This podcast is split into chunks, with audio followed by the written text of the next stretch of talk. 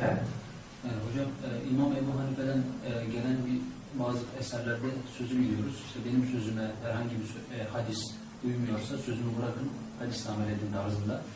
Bazı kardeşlerimiz şöyle bir beyanda bulunuyorlar. Yani mesela insan Hanefi mezhebine mensup, Hanefi mezhebiyle amel ediyor. Ama diğer bu hadis külliyatlarındaki sahih hadislerle amel etse ne sakıncası olabilir? Misal buna genellikle daha kolay anlaşılması tarzında namazda ellerin kaldırılması örnek veriliyor. Yani bir insan Hanefi mezhebine mensup, namazda da ellerini kaldırsa ne sakıncası olur? Mi? Evet. Yani ben hadisten bir hüküm çıkartmak istemiyorum. Hadis- Hadisten zaten hüküm çıkartacak kadar bir ilmim yok. Ama ben diğer Buhari, Müslim'deki veya Tirmizi'deki ve bu dağdaki sahih hadislerle amel etsem ne olur? Mezhebe mensubiyetim tabii ki hala devam ediyor. İmam Ebu Hanife'den de diğer mezhep imamlarından da bu tarz sözler nakledilmiştir. Ama şu bir hakikat ki herhangi bir rivayet için bu İmam Ebu Hanife'ye yetiş, ulaşsaydı bu rivayet, İmam Ebu Hanife mutlaka bu hadisle amel ederdi demek hayli zor. Niye hayli zor? Çünkü birincisi imamın o hadise muttali olmadığını, o hadisin imama ulaşmadığını kesin bilmemiz lazım. İki, o hadisin İmam Ebu Hanife'nin kriterlerine göre sahih olduğunu bilmemiz lazım. Üç, o hadisin İmam Ebu Hanife'nin kriterlerine göre ma'mulun bih olduğunu bilmemiz lazım. İmam Ebu Hanife böyle bir hadis görse mutlaka bununla amel ederdi diyebilmek için bu husus şart. Ve Bunların hiçbirisini bilme şansımız yok. Mezhep içerisinde böyle bu tarz e, istidrak faaliyetleri yapılmıştır. İmam Ebu Hanife'den sonraki talebeleri, onların talebeleri devamlı surette mezhep içerisinde bu faaliyeti yürütmüş. Ee, en nihayet mezhep içerisindeki ehli tercih, ehli temiz, ehli tahkik, ulema da bunu cüz'i olarak yapmıştır. Dolayısıyla herhangi bir rivayet için bu İmam Ebu Hanife'nin eline geçseydi, bu rivayetten haberdar olsaydı, amel ederdi demek bugün için çok çok zor. Birincisi bu. İkincisi böyle ol- olmasına rağmen biz mezhebe muhalif herhangi bir hadisle amel etsek ne olur? Bu meselede bir ince e, çizgi var ona dikkat etmemiz lazım. Mezheple amel bir bilinç işidir, bir şuur işidir, bir bilinçli tercih işidir. Yani ben niye Hanefiyim? Bir insan ben mezhebe bağlıyım ama şu hadiste de şöyle amel ediyorum diyen bir insan bu soruyu kendine sorması lazım. Ben niye Hanefiyim? Benim Hanefi olmam ne ifade ediyor?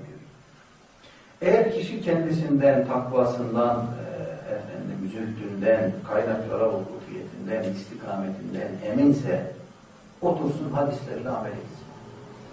Ama bunu yaparken mesela tasavvuf büyüklerinin yaptığını yapsın. Her mezhebin azimet ifade eden görüşlerini alsın, azimetlerle amel etsin. Bu insanın elini burada ayağını. Ama ben hadisle amel ediyorum diyerek günümüzde sergilenen şeylere bakıyorsunuz. Hep böyle ruhsatlara, kaçamaklara doğru bir gidiş var. Bu doğru değil. Bu ellerin kaldırılması meselesi böyledir. Başka meseleler böyledir. Keşmir merhum konu güzel eseri var. Diyor ki ben bu konudaki rivayetleri karşılaştırdım ve sıhhat zaafta denk olduklarını gördüm. Yani dolayısıyla mezhebin rivayeti daha zayıf, öbür rivayetler daha sahih demek o kadar kolay değil. Mezhep imamlarımızdan mesela Ebu Hanife Hazretleri'nin, İmam Ahmed bin Hanbel'in işte eğer hadis sahih benim mezhebimdir tarzındaki sözünü dikkate alarak fıkhi kitaplardan zaman zaman uzaklaşma, güya hadis paralelinde hareket ve bunu da e, sünnete ittiba olarak e, insanlara sunma, hatta bu fikir çerçevesinde bir eğitim programı yürütme e, gayreti içerisinde olan insanlar var. Bunun tesirleri etrafımıza yansımaktadır. Şimdi hadis sahih ise o benim mezhebimdir sözü. Evet bizim mezhep büyüklerimizin sözüdür.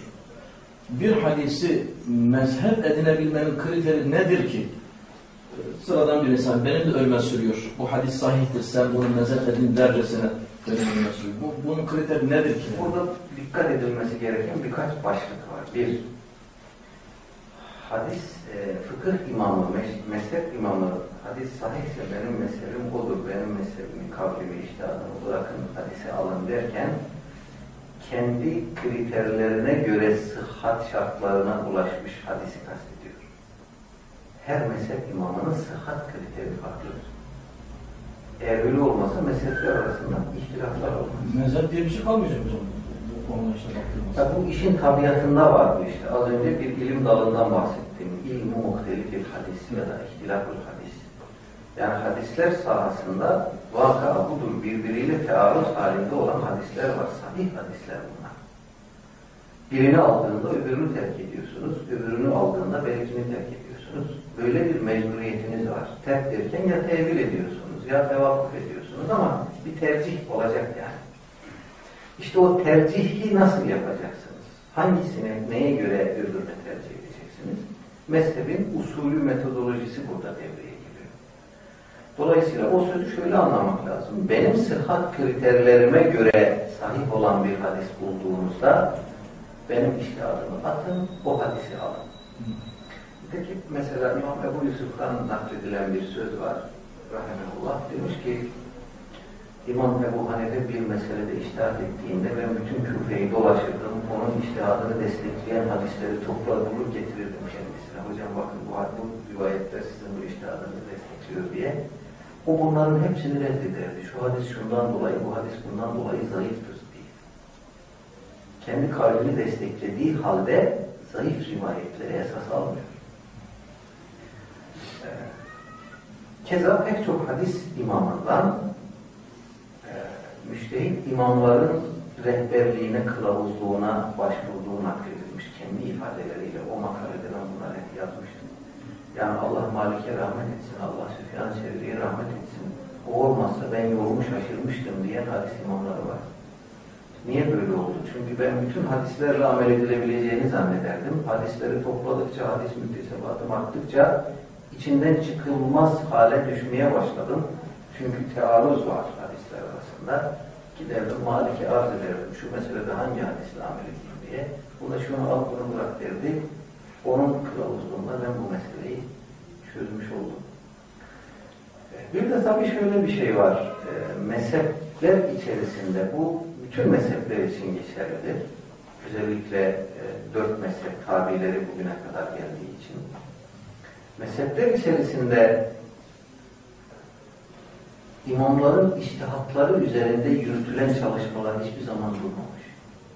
Yani mutlak müştehit imam dünyadan ayrılıp terk dünyaya gidip gittikten sonra talebeleri onun iştihatları üzerinde çalışmaya devam etmişler. Yeni meseleler çıktığında o iştihatlar üzerinde, o usul üzerinde icra faaliyeti devam etmişler. Mezhebin ehli hadis alimleri mezhebin hadis boyutunu takviyeye ve tenkide devam etmiş. Mesela diyelim ki bir hadis İmam Ebu Hanife'nin gözünden kaçtı. İmam Ebu Yusuf ya da İmam Muhammed aynı faaliyeti devam ettirdiği için onlar bunu görür. Onların gözünden kaçsa onların talebelerinin gözünden kaçmaz. Diyelim onların gözünden kaçtı, İmam Tahavi'nin gözünden kaçmaz. İmam Tahavi işte bugün e, birkaç seminerdir hayatını incelediğimiz Kütüb-i imamlarıyla çağdaş büyük bir hadis alimi. Eserleri, hadis eserleri bugün elimizde. Onun gözünden kaçmaz. Onun gözünden kaçsa mezhebe mensup hadis hafızlarının gözünden kaçmaz. Yani bu faaliyet süreklilik arz ettiği için e, hasbel beşer İmam Ebu Hanife'nin gözünden kaçmış hadis yok mudur? Vardır. Mesela işte vakfın satılabileceğine dair İmam Ebu Hanife bir fetva vermiş. Tabi bazı kayıtlarla mukayyet bu. Sonra İmam Ebu Yusuf dönemi geldiğinde İmam Ebu Yusuf vakfın satılamayacağını ifade eden rivayetlere rastladığında Allah hocamıza rahmet etsin demiş. Bu hadisi görseydi iştihadını terk eder bu hadisi alırdı. Böyle münferit hadiseler vardır. Bu neyi gösteriyor? Ha demek ki böyle şeyler vardır. Bugün biz de aynısını yapabiliriz. Bunu göstermez. Ya mezhep içerisinde bu tenkih faaliyetinin devam gösterir. Orada donuk kalmadı mezhep e, faaliyeti. Mezhep içi faaliyet sürekli devam etti. E, her kademeden mezhep ehli ulemanın çalışmaları bu e, mezhep e, müessesesini pişirdiği olgunluğa ulaştı. Dolayısıyla çok kolay bir şey değil. Yani Mezhep imamı böyle dedi. Hadi biz şu hadisi alalım, bununla amel edelim. Mezhep imamının sözünü duvara çalalım. Çok kolay bir şey.